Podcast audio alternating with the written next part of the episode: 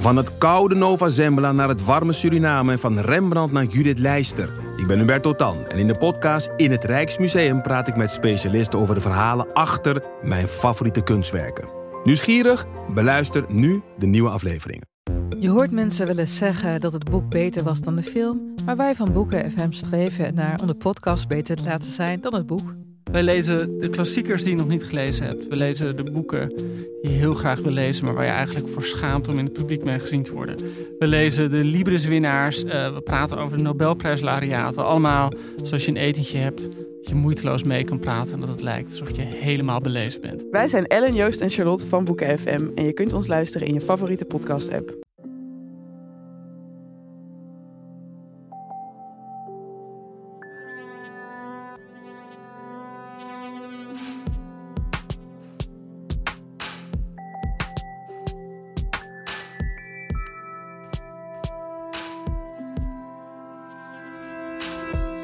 Hey, ik ben Pieter van Relaas.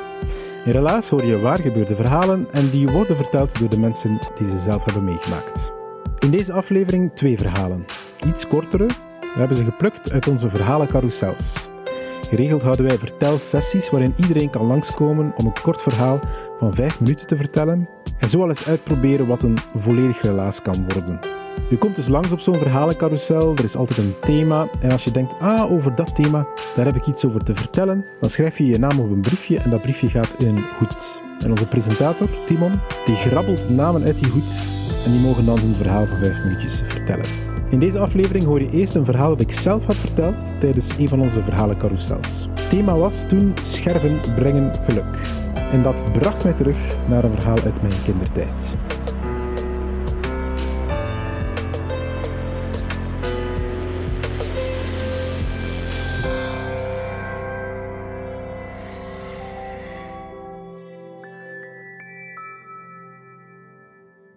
Ik ben een hele brave jongen. Mensen die mij kennen, die weten dat ik een hele brave jongen ben. En uh, voor de mensen die mij niet kennen, ja, die moeten mij nu voor de komende vijf minuutjes maar even geloven als ik dat zeg. Ik ben opgegroeid in een dorpje dat heet Adegem. Dat is een heel klein dorpje um, in het Meetjesland. Um, mijn mama die was leerkracht daar in Adegem en die gaf les in het eerste studiejaar. Uh, je moet je inbeelden, die heeft dat um, denk ik, meer dan 40 jaar gedaan. Vanaf haar negentiende was, of vanaf haar twintigste afgestudeerd en al een hele carrière in het eerste uh, studiejaar lesgegeven. Dus op den duur, in mijn kindertijd, was ongeveer uh, heel Adegem al bij haar in de klas gezeten. Als wij naar de kermis gingen, dat was ongeveer 500 meter van ons huis. Toen wandelden wij naar de kermis. En uh, toen kwam mij om de 20 meter iemand tegen en moesten mijn ouders een, een, praatje doen. En stonden wij te wachten. Mijn broer en ik stonden dan te wachten om uh, verder te kunnen gaan, want we wilden naar die kermis gaan. Mijn vader die, uh, zat en die zit nog altijd in ongeveer alle verenigingen die er bestaan in Adegem. Ik denk dat er ongeveer 20 socioculturele verenigingen zijn in Adegem. En dat betekende voor mijn papa 20 vergaderingen per maand, bestuursvergaderingen. Dus die was niet veel thuis, maar ook hij was heel gekend in Adegem, of is nog heel gekend in Adegem. En um, ja, dat betekent dus ook uh, heel veel mensen tegenkomen. Um, ik vertel dit kort omdat ik dus eigenlijk heel weinig keus had. Ik moest wel een brave jongen zijn, uh, of anders, had er, uh, als er iets gebeurde, had iemand van het dorp het wel gezien en dan ging heel het dorp het weten en dat was natuurlijk schandalig. Maar Um, als kind was dat allemaal geen probleem, maar vanaf mijn 19 jaar, zoiets, 9 à 10 jaar, dan begon ik wel zo wat te experimenteren met zo wat af en toe een keer stout zijn. Het niet braaf zijn. Um, en uiteraard lag ik daar meestal zelf niet aan de oorzaak. Dat waren altijd andere mensen uh, die aan de basis lagen van dat niet braaf zijn. Ik kon daar zelf heel weinig aan doen. Ik deed heel veel tezamen met mijn broer, uh, maar die moest natuurlijk ook heel braaf zijn. Uh, maar tussen mijn 8 en mijn 12 jaar, zo de laatste jaren van de lagere school, heb ik heel veel tijd doorgebracht met Davy. En Davy, dat is een jongen waar ik mee in de klas zat, maar die woonde ook in mijn straat. En dus na school ging ik meestal, als ik braaf mijn huiswerk had gemaakt, um, samen met mijn broer met Davy spelen. Die woonde een beetje verder in mijn straat. En mijn moeder, die vond dat prima. Want Davy, dat was de zoon van een ex-lief van haar. Dus dat ging sowieso een goede jongen zijn. Dat stond vast. Er was geen vuiltje aan de lucht. Dus op de zolder, uh, in de garage van Davy, uh, leerde ik van alles. Mijn broer en ik. Mijn broer is drie jaar jonger, dus die was er wel zes, zeven. Maar op de zolder in de tuin uh, van Davy leerde ik bijvoorbeeld hoe meisjes eruit zagen onder hun gele en rode t-shirtjes. Um, omdat we fotootjes bekeken uh, uh, in, in, in, boekjes. Um, ik heb ook van Davy geleerd hoe dat je met een schroevendraaier moet smijten en uh, naar een houten plank en dat je daar heel wijze putjes mee kunt maken in een soort houten plank. Uh, en hoe harder dat je gooide, dan had je misschien kans dat de schroevendraaier ging blijven steken. Ik heb van Davy ook geleerd hoe dat je lege cola-blikjes en plastic flesjes um, kon opvullen met zand en uh, dat je daar oorlogje mee kon spelen. we hebben heel veel oorlog gespeeld, Davy, mijn broer en ik. Um, die lege colaflesjes en die blikken, dat waren onze granaten, onze brandbommen. En Davy, ik herinner mij dat nog, dat was onze luitenant, onze baas. Um, de commandant of de luitenant. En mijn broer en ik, uh, wij waren braaf zoals dat we waren, de trouwe soldaten. En um, mijn ouders die gingen daar wel in mee dat ik samen met Davy en mijn broer veel uh, soldaatje ging spelen. Mijn papa die had uh, was, was in het leger geweest en die had stiekem zijn legerkostuum gehouden, want dat mocht eigenlijk niet. Maar ik paste daarin, dus ik kon dat aandoen. En hij had ook nog ergens op zolder um, een paar legerbottinen. Dat waren zwarte legerbottinen. En daar stond op de zool ABL op. Uh, Armee Belge, Belgisch Leger, in twee talen. Uh, die waren veel te groot voor mij, maar ik deed die toch aan. En ik was dan heel apetrots in mijn uniform met mijn legerbotten aan. En zo gingen wij bij Davy uh, oorlogjes spelen. Dat bleef bij heel veel trainingen, um, maar uiteindelijk um, kwam de dag dat onze training echt wel rond was. Onze training was vervolledigd. Eindelijk konden we doen waarvoor we maandenlang getraind hadden. Uh, onze luitenant Davy die liet ons weten dat het eindelijk oorlog was en dat we naar het speelpleintje moesten om onze oorlog tot een goed einde te brengen. En nu moet je weten, dat speelpleintje dat ligt ongeveer 50 meter van ons huis. Alles in Adegem ligt ongeveer 50 meter van ons huis. Um, dat was een speeltuin, uh, dat had een zandbak, een grote zandbak. Um, ik herinner mij nog, in die zandbak waren er grote rioolbuizen ingegraven. Zo konden we daar ook inkruipen. Ideaal om oorlog te spelen. Er was ook een schommel, een witplank, maar dat was dat was natuurlijk niet cool genoeg.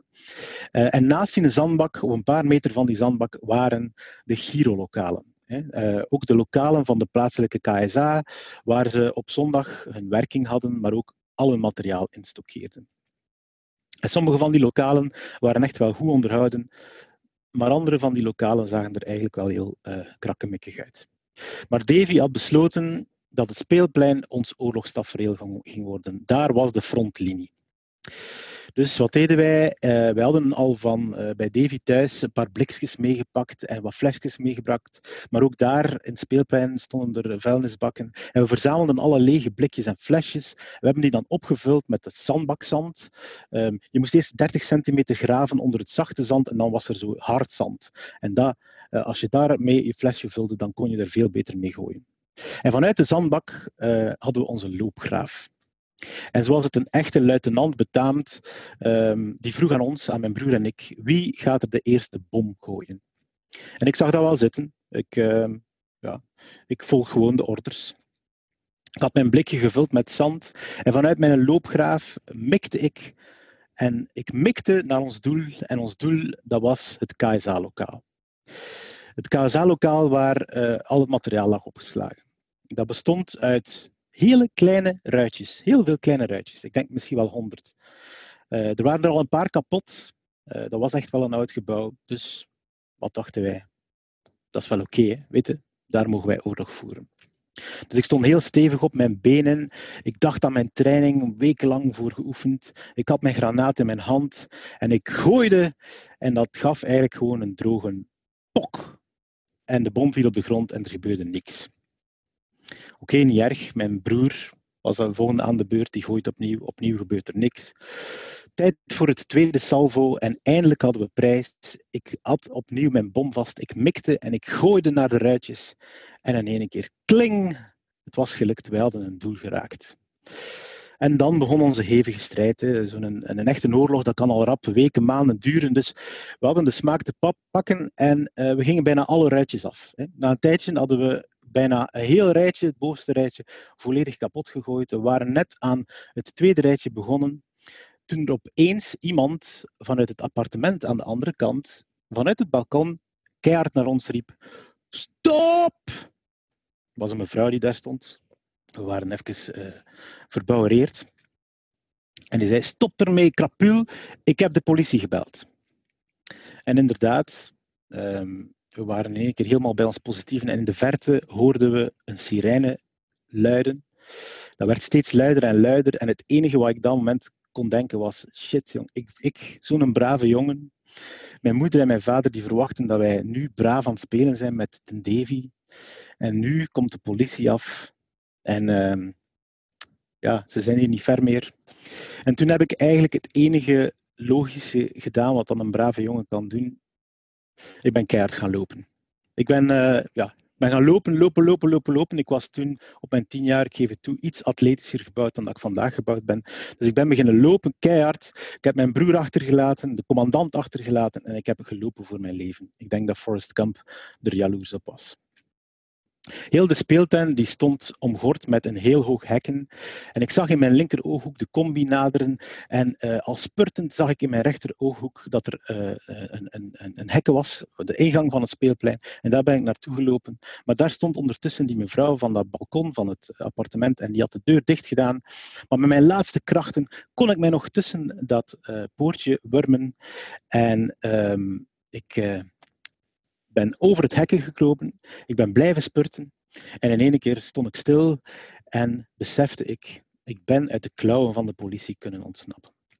En ik dacht, ik heb dat hier toch wel weer mooi gefixt. Mijn blazoen is helemaal opgepoetst. Ik kan mijn uh, status als brave Adegemse jongen behouden. Maar ja, al heel snel groeit dan dat besef. Um, ik heb mijn eigen broer achtergelaten. Ik heb mijn vriend, onze commandant, in de steek gelaten. En ik zag ondertussen dat ze tegengehouden werden door de politie. Dus ben ik uh, met mijn staart tussen mijn benen teruggekeerd naar onze commandant, naar mijn broer. En heb ik mijn lot als een echte soldaat aanvaard. Toen ben ik uitgenodigd in de combi van Sugata. En een paar uur later zat ik samen met mijn broer en met een Davy en met uh, mijn ouders en de ouders van Davy rond dezelfde tafel om de zaken te regelen. En ik herinner mij nog dat dat de eerste en misschien zelfs de enige keer geweest is dat ik van mijn moeder straf heb gekregen. Ik moest heel vroeg naar bed, dat herinner ik mij nog, om na te denken over wat ik had gedaan. En ja, die vriendschap met Davy, ja, dat is een beetje slecht afgelopen. Dat is nadien een beetje bekoeld. Maar gelukkig was ik heel jong genoeg, eh, heb ik berouw getoond voor hetgeen wat ik misdaan heb. Uh, ik denk ook dat we de schade wel hebben betaald. Um, en mijn imago als brave jongen, dat was natuurlijk om zeep. Maar um, sindsdien heb ik toch alleen maar spelletjes meer gespeeld die heel braaf door de beugel konden. Dat was mijn korte relaas. Ik heb het verteld op onze verhalen carousel online in de zomer van 2020. En tijdens diezelfde avond vertelde ook Jaap een verhaal over soldaatjes spelen. Jaap doet dat niet als hobby, net zoals ik, maar die doet dat doodserieus. Want Jaap die is militair van beroep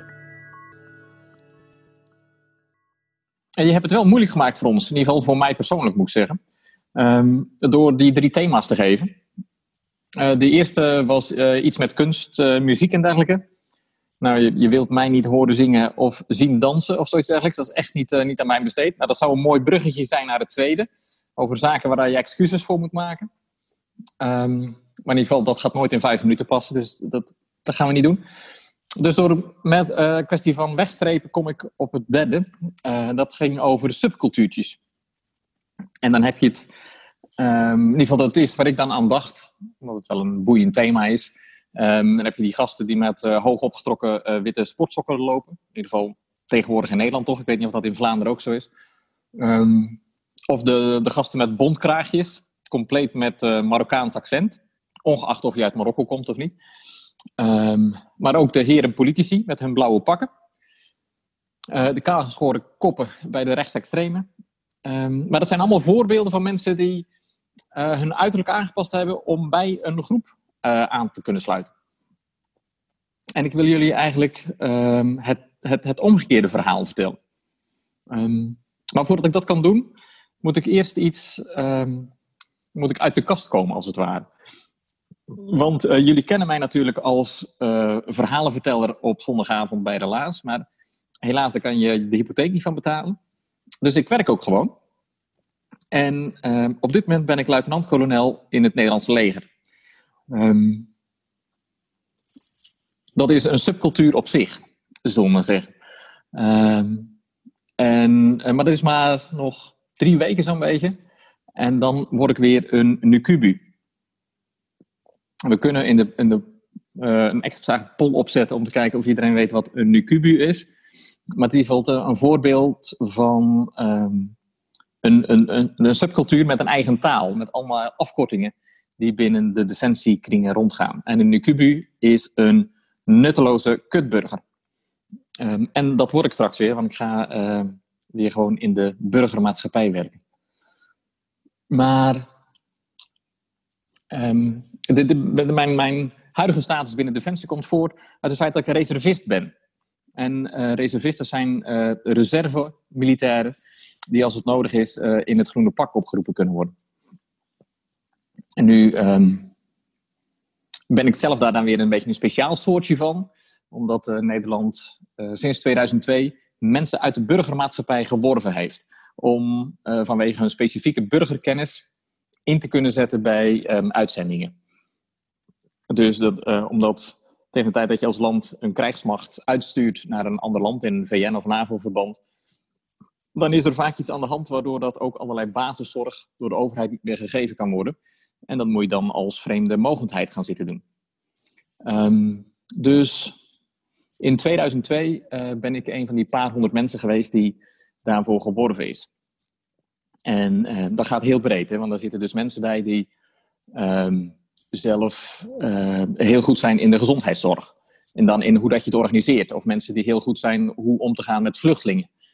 Of hoe dat je ehm, een economie organiseert. Of hoe dat je eigendomsregistratie doet. Dat is heel breed. En dat betekent ook dat er allemaal hoogopgeleide mensen zijn met allemaal heel veel ervaring. Ik was met afstand de jongste met mijn 26 jaar. Um, hoe dat ertussen kwam, ik weet het eigenlijk niet goed. Maar zo kwam het dat ik in uh, november, oktober, oktober was volgens mij 2002, voor mijn opleiding uh, op moest komen. En uh, Defensie had toch wel in de gaten, dit zijn allemaal wat bijzondere mensen. Die kun je niet zomaar even standaard door de wasstraat heen duwen en ze de basisopleiding geven. Daar moet je iets speciaals mee doen. Dus wij werden allemaal opgeroepen in aparte lichtingen van 20 mensen. En dat begon allemaal heel keurig didactisch verantwoord. Dus dat iedereen vertelt van uh, waar dat je, um, wie dat je bent en waar dat je komt brengen en wat dat je verwacht, al dat soort dingen. Um, maar er kwam toch het moment natuurlijk, na een halve dag. Um, we gaan beginnen met de les e-, exercitie. En dat is hoe dat je moet marcheren over het, het, het, de, de, de opstelplaats, de, de legerplaats. Dus we werden allemaal naar onze kamer gestuurd. En dan werden we een kwartier later verwacht um, omgekleed als echte militairen. En ik had geluk, want ik mocht mijn kamer delen met Simon. En Simon is uh, eh, 15 jaar ouder en had zichzelf een heel stuk beter voorbereid dan ik. Uh, want hij wist wel hoe dat je jezelf moest kleden. Dat wist ik niet, maar ik kon het mooi bij hem afkijken. En zo kwam het dat wij een kwartier later allemaal weer terug in de hal stonden, onderaan die trap. En er was een beetje zo'n giechelstemming. Um, die dan krijgt als mensen uh, zichzelf onzeker voelen. En dan door grapjes gaan proberen zichzelf uh, het, het, een beetje weg te lachen. Um, en ik stond een beetje met, met een schuin oog te controleren bij andere mensen of ik het wel goed had, goed had gedaan. Of ik het juiste embleem op de juiste klittenbandplek ergens op een pak had geplakt. Um, of een baret goed stond. En um, of je, je, je pofbroek op de juiste manier dat elastiek net over je legerkisten liet vallen. Zonder dat het eruit ging zien als een of andere Duitse pofbroek uit de Tweede Wereldoorlog. Um, en vervolgens was het het exerceerterrein op. En het ziet er altijd heel eenvoudig uit. In ieder geval, het lijkt zo... Nou, iedereen kan het, lijkt het dan. Totdat je mij op dat exerceerterrein zet. Dan wordt het duidelijk dat, ik, dat echt niet iedereen kan. Um, want ik weet niet of jullie de telgang kennen. Dat is het verschil tussen een paard en een kameel, grofweg. Ehm, een paard loopt namelijk met zijn rechter voorpoot en zijn linker achterpoot. Ehm, dat is de, de, de combinatie. en een kameel daarentegen niet. Die doet linker voorpoot en linker achterpoot. en dat, oh, bij mens vertaalt dat zichzelf dat je als je je linkerbeen zet, dat je dan je rechterarm zwaait zoals het hoort. En een telgang betekent dat je dat niet doet. En dat ziet eruit als een, um, een Faulty Towers actie. Maar doordat het exerceren, dat marcheren, een vreemde gewaarwording is, um, het voelt wat onnatuurlijk, moest ik steeds meetellen om maar in dat ritme te blijven. Net als gevolg dat ik inderdaad er echt uitzag als een van de uh, slechte Britse comediant die daar over de trein heen ging. Maar na wat moeite uh, lukte het toch wel. En het was eigenlijk terwijl dat zij bezig waren met andere mensen die nog veel slechter waren dan ik. Dat het me ineens binnenviel hoe gek het eigenlijk is. Want dat was een groepje van twintig mensen. Waar dat een, um, een directeur van een ziekenhuis in zat. Uh, er zat een, een, politicus tussen. Een aantal consultants. allemaal mensen die gewend waren om... Uh, met inpak, met stropdas, aantal met chauffeur zelfs, naar kantoor te komen. En daar met uh, meneer of mevrouw aangesproken te worden. En ervan uit te gaan dat mensen naar hen luisterden, omdat zij hele uh, slimme dingen konden vertellen of echt experts waren op hun vakgebied. En, maar als je ze dan in een groep zet en ze hun mantelpakje afpakt en hun stropdas en colbert en dat soort dingen, en ze allemaal in hetzelfde lelijke groene vlekkenpak hijst. En er gewoon een of andere kerel voorzet die onverstoorbaar en ook onverstaanbare um, commando's gaat geven. Dan gaat er iets gebeuren met zo'n groep. En hou je op als individu te bestaan en word je gewoon onderdeel van de groep die als groep zichzelf verplaatst, die als groep gaat eten, die als groep naar een les gaat, die als groep naar de zaal gaat om te slapen. En dus ook gewoon als groep over dat terrein gaat marcheren. Gewoon volstrekt idioot. Dus als die mensen gewoon in hun normale klofje had laten staan. Ehm, geen hond die het had gedaan.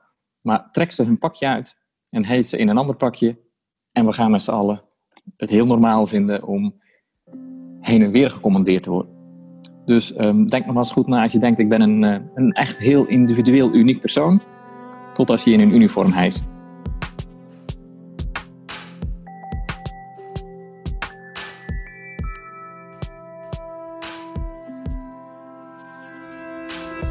Dat was het relaas van Jaap. Hij heeft het verteld tijdens een van onze verhalencarousels.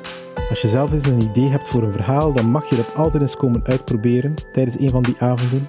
Je vertelt je verhaal dan op 5 minuten. Wat je eerst doet, is kijken of je iets te vertellen hebt rond de thema's die we jou meegeven. Als dat zo is, dan schrijf je jouw voornaam op een van de blaadjes die we jou voorzien. En die blaadjes gaan in een hoed en onze presentator Timon die tovert om de 5 minuten een nieuwe naam uit de hoed. En als een van onze coaches een echt een goed verhaal vond, dan gaan ze er nadien samen met jou mee aan de slag. En dan kan het uitgroeien tot een volledig uitgewerkt relaas met alles erop en eraan. En dan nodigen we jou uit om dat op een van onze relaasvertelavonden tegen een live publiek te komen vertellen. Relaas bestaat dankzij de afdelingen cultuur van de stad Gent en die van de Vlaamse gemeenschap. Zij zorgen ervoor dat wij in Gent, Antwerpen en binnenkort ook in Brugge vertelavonden kunnen organiseren. Onze partners zijn Huset, Den Hopzak, Pulp Deluxe, Rugent FM en Chase. Hou onze socials in de gaten. We zitten op Facebook, Instagram of we sturen jou een mail. Dan weet je wanneer onze volgende relaas vertelavonden zijn of wanneer we nog eens online een verhalencarousel organiseren. En als je dit een fijne relaas aflevering vond, please stuur die dan door naar iemand aan wie je moest denken toen je ze hoorde. De firma dankt u.